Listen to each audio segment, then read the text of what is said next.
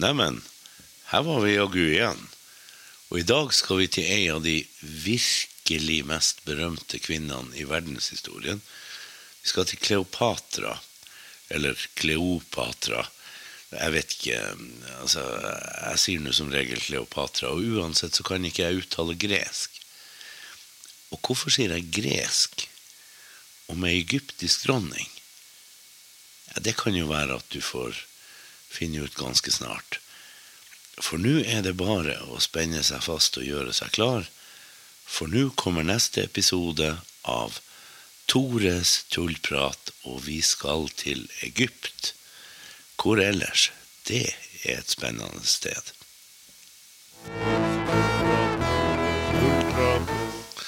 Det er noe med Kleopatra. Hun har blitt huska i over 2000 år. Det har vært laga masse filmer, det har vært skrevet bøker, det har vært laga tegneserier.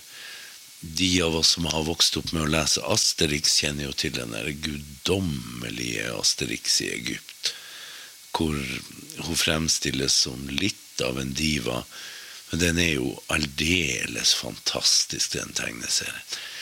Men det er altså rett og slett masse, masse, masse om henne i populærkulturen. Og det er litt interessant å tenke på Det er i hvert fall ett perspektiv å ha med seg. Kleopatra var jo ei dronning i Egypt. Men hun fremstilles som ei forførerske. Som ei fryktelig vakker kvinne som kunne trille mannfolkene rundt lillefingeren og derfor fikk makt. Og det slår meg at det er en, en merkelig og kanskje litt sånn ja, urettferdig måte å fremstille henne på. For hun var jo mektig, og hun var jo ikke så rent lite til kvinner med bein i nesa. Er det sånn at hun virkelig bare kunne utøve makt ved å få den ved å forføre mannfolk? Det er ja, det er nå en, en, tanke. Altså det, det fantes da, selv om det var veldig mannsdominert veldig mange steder, så fantes det jo en del kvinnfolk i antikken som definitivt hadde bein i nesa og stor makt i sin egen rett. Akkurat her og nå kommer jeg nå mest på dronning Boudica i Britannia, og på en, helt, en annen verdensdel, da Zenobia i Palmyra. Og det var jo damer som virkelig, virkelig hadde og utøvde makt, og ikke fordi de da gjorde seg til elskerinner for de store og mektige. Kan det være at vi ved å fremstille Kleopatra som vi gjør, at vi egentlig tilslører litt hvem hun var, og hvilke evner hun hadde, og at vi skaper et vrengebilde av henne som, som rett og slett ikke er rett at hun var en mester på politisk spill, det kan det knapt være noe tvil om, nemlig. Hun kunne virkelig det. Hun hadde også affærer med flere av de største personlighetene i romersk historie, blant annet. Og det skal vi jo høre mer om. Men hun var virkelig ei som, som på, i egen rett da gjorde ting. Og intelligent var hun, språkmektig var hun. Jeg skal fortelle mer om opphavet hennes, men la oss si det sånn, hun var dronning av Egypt. Men hun var den aller første dronninga i et meget gammelt dynasti som kunne snakke egyptisk. Og hvorfor var hun den første av dem som kunne snakke egyptisk? Ja, Vent og se. Det har med hvor hele kongehuset kom ifra. I det hele tatt så, så var Kleopatra en fascinerende figur. Kanskje ikke av de grunnene som vi ser på filmer og leser om i bøker. Men det er jo Ja. Det, det er en, en, spesiell historie, det her. Og en historie som er fletta sammen med Romerriket og Hellas og mye forskjellig. Men vi skal bore litt i det. Og det skal vi veldig snart gjøre.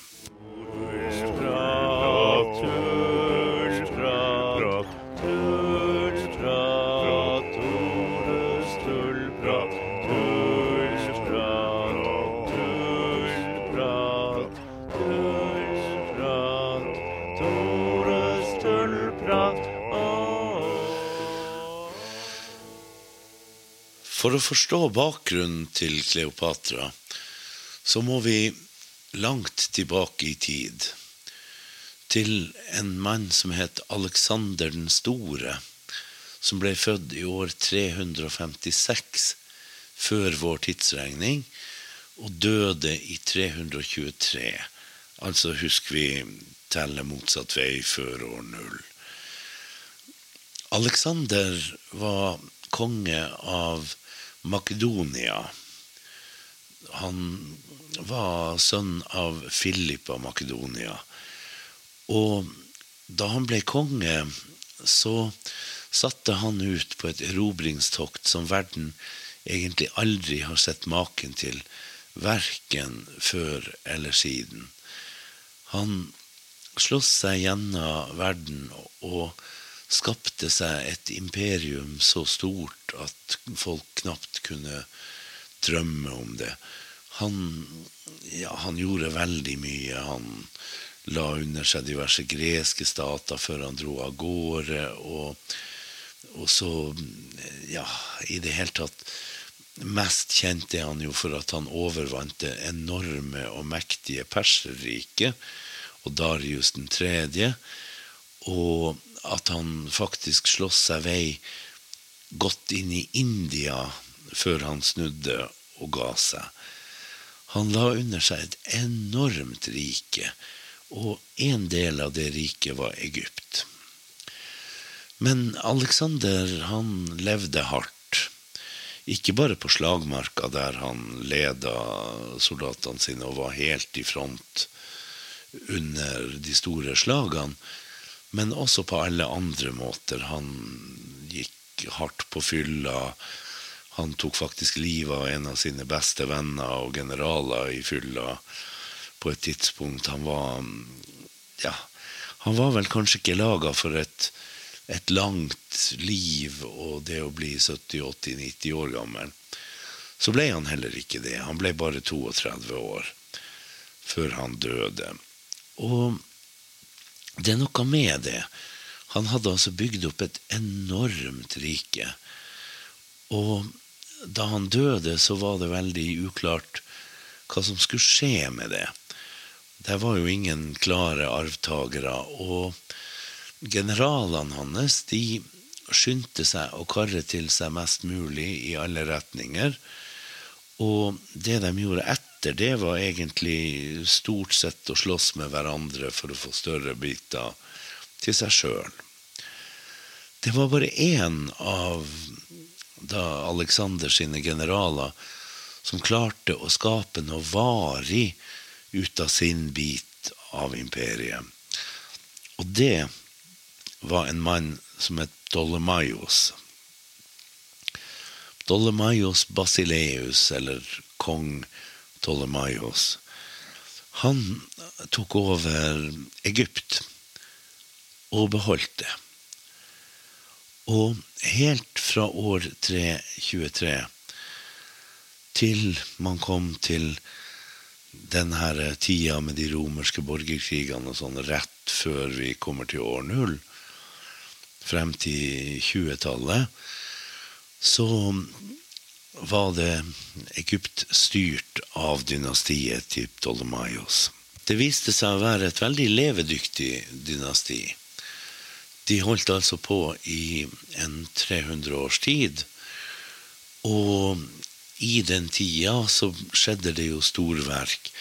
Ikke minst opprettelsen av biblioteket i Alexandria, som jo var et av verdens underverker, de syv. Det ble bygd Man vet ikke om det ble bygd under Dolomaios den første, altså selve generalen til Alexander, eller av sønnen hans Dolomaios den andre. De var ikke så kreative på navn. Men i alle fall, det ble jo bygd opp en av verdens mest fantastiske boksamlinger. Et senter for lærdom som verden aldri har sett, verken før eller siden.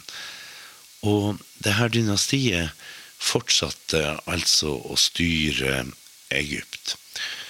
Det var den ene etter den andre, etter tredje, etter fjerde, etter femte kongen. Jeg har ikke telt opp det mange av dem over den lange tida. Men felles for dem alle, de var makedonere.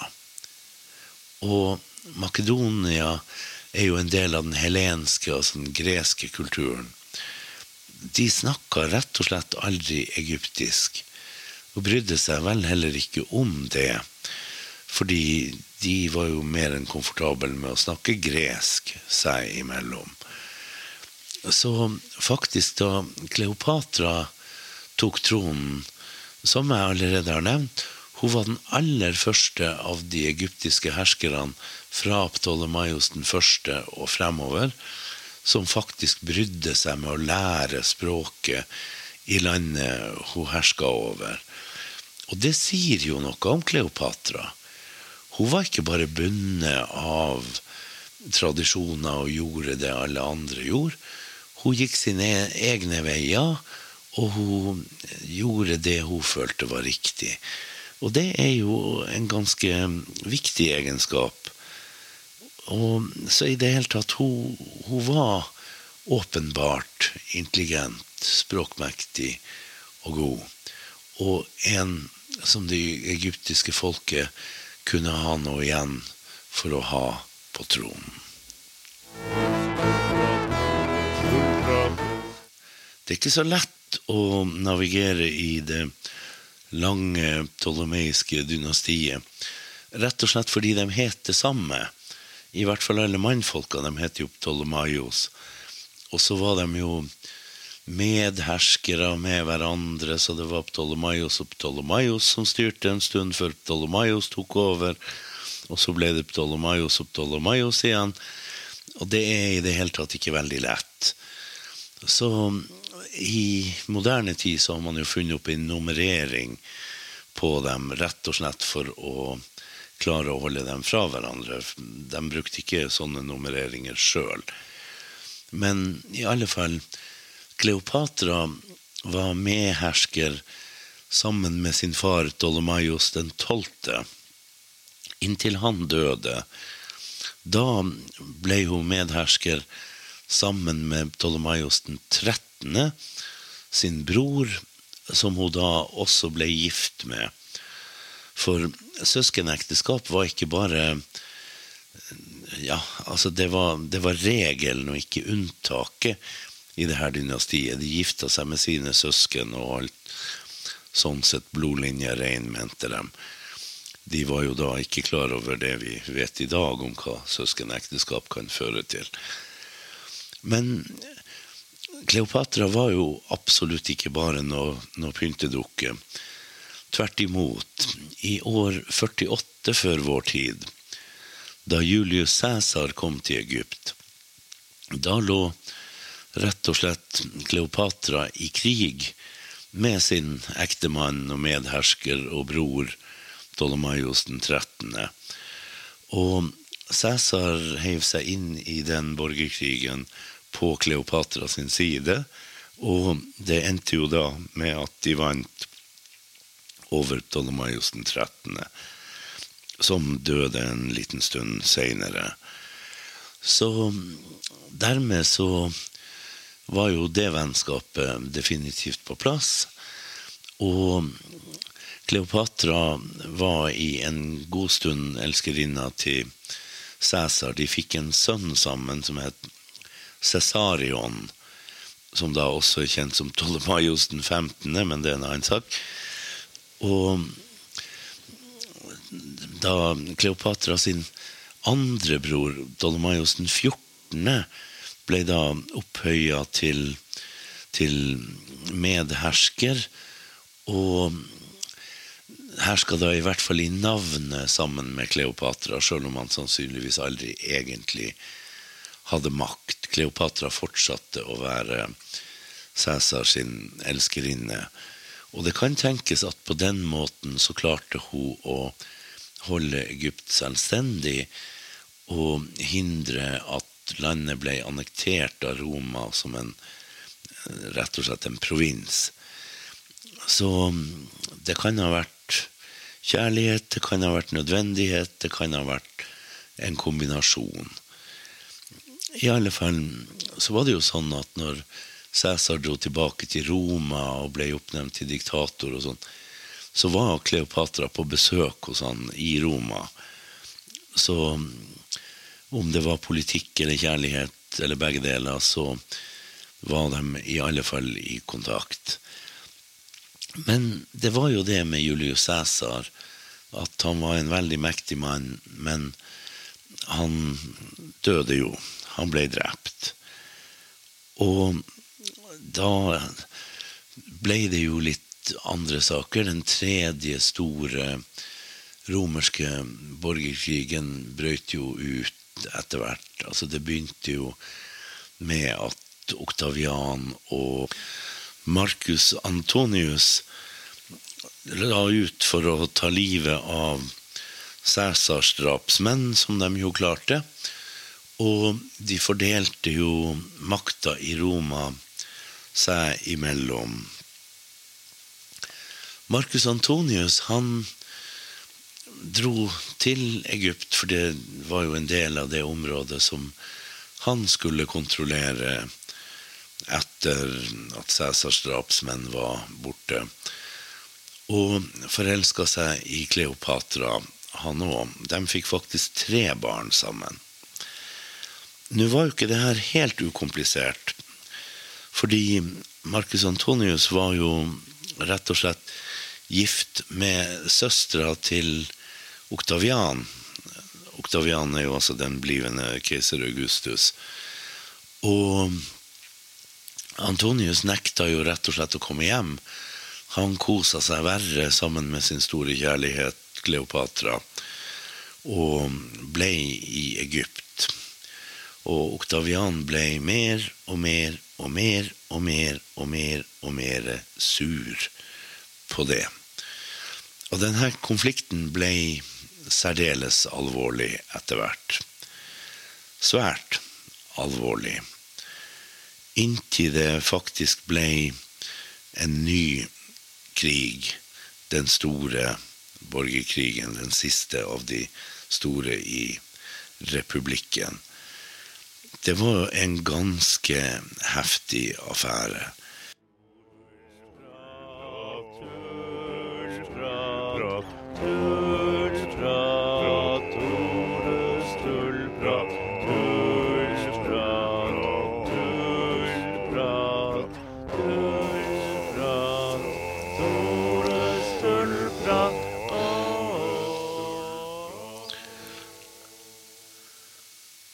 Denne borgerkrigen ble jo, som alle borgerkriger egentlig, en blodig og grisete affære. Men vi skal nå egentlig bare konsentrere oss om slutten, for det er jo den som er interessant i denne sammenhengen. Og det var jo da ved slaget ved Aktium. Aktium ligger i det joniske hav, og det er jo da, det er jo da i Hellas. Og det var der flåtene til Oktavian, Oktavianus og da Marcus Antonius og Kleopatra møttes. Egentlig så var det jo faktisk ikke Oktavian som førte slaget for da sin side. Det var Marcus Vipsanius Agrippa som en stor figur i romersk historie. Han var svigersønn av Oktavian, og da hadde mange, mange høye verv. Han fikk bygd en masse bygninger i Roma som virkelig er, er verdt å se. Men ja, for de som ser Pantheon, som jo vel å merke er bygd lenge etter Agrippa, så har jo det en sånn portiko der, der det er en inskripsjon til Markus Agrippa, konsul tre ganger, cos tertium. Og Den er rett og slett dedikert til han. Så Marcus Vipsanius Agrippa var ingen hvem som helst. Det er sånn at i år 31, det var den 2. september i 31 før vår tid, når de her flåtene møttes, så sies det at da Oktavian rett og slett lå og sov, og at den som vant, faktisk vant sjøslaget, var Marcus Vipsanius Agrippa. Selvfølgelig på vegne av Oktavian, av Augustus. Men det er nå så. Så Augustus tok jo selvfølgelig æra, som han jo hadde for vane å gjøre. Det gikk litt verre med Marcus Antonius og Kleopatra. De flykta tilbake til Alexandria, og de visste jo at fienden kom til å være hakk i hæl, at det bare var et tidsspørsmål før det hele ville være tapt. Og det endte jo med en legendarisk slutt som, som ingen, ikke engang Shakespeares Romeo og Julie, kunne, kunne klare å, å etterligne. Det er ingen som kan finne på noe sånt. Det endte altså med at Marcus Antonius han falt på sverdet sitt, som det heter. Altså han tok sitt eget liv. Og Kleopatra, når hun hørte at Antonius var død, så begikk hun også selvmord. Legenden skal ha det til at hun lot seg bite av en giftslange, rett og slett. Og sånn var det. Det var ikke så lenge etter at Oktavian sin hær kom til Alexandria, og den herre sønnen til Cæsar, Cæsarion Man skulle kanskje tro at han ville klart seg rett og slett fordi han var sønn av, av Cæsar. Og Oktavian var jo etter romersk lov, fordi han var arving av Cæsar, så var jo han adoptivsønn automatisk da til Cæsar. Så man skulle jo egentlig tro at de her to ville regnes som brødre. Men sånn er det ikke med maktmennesker som ikke liker rivaler. Så sjøl om da Cæsarion, eller Dolomaios den 15., da var hersker i Egypt etter at Kleopatra var død, så ble det ingen happy ending der. Tvert imot.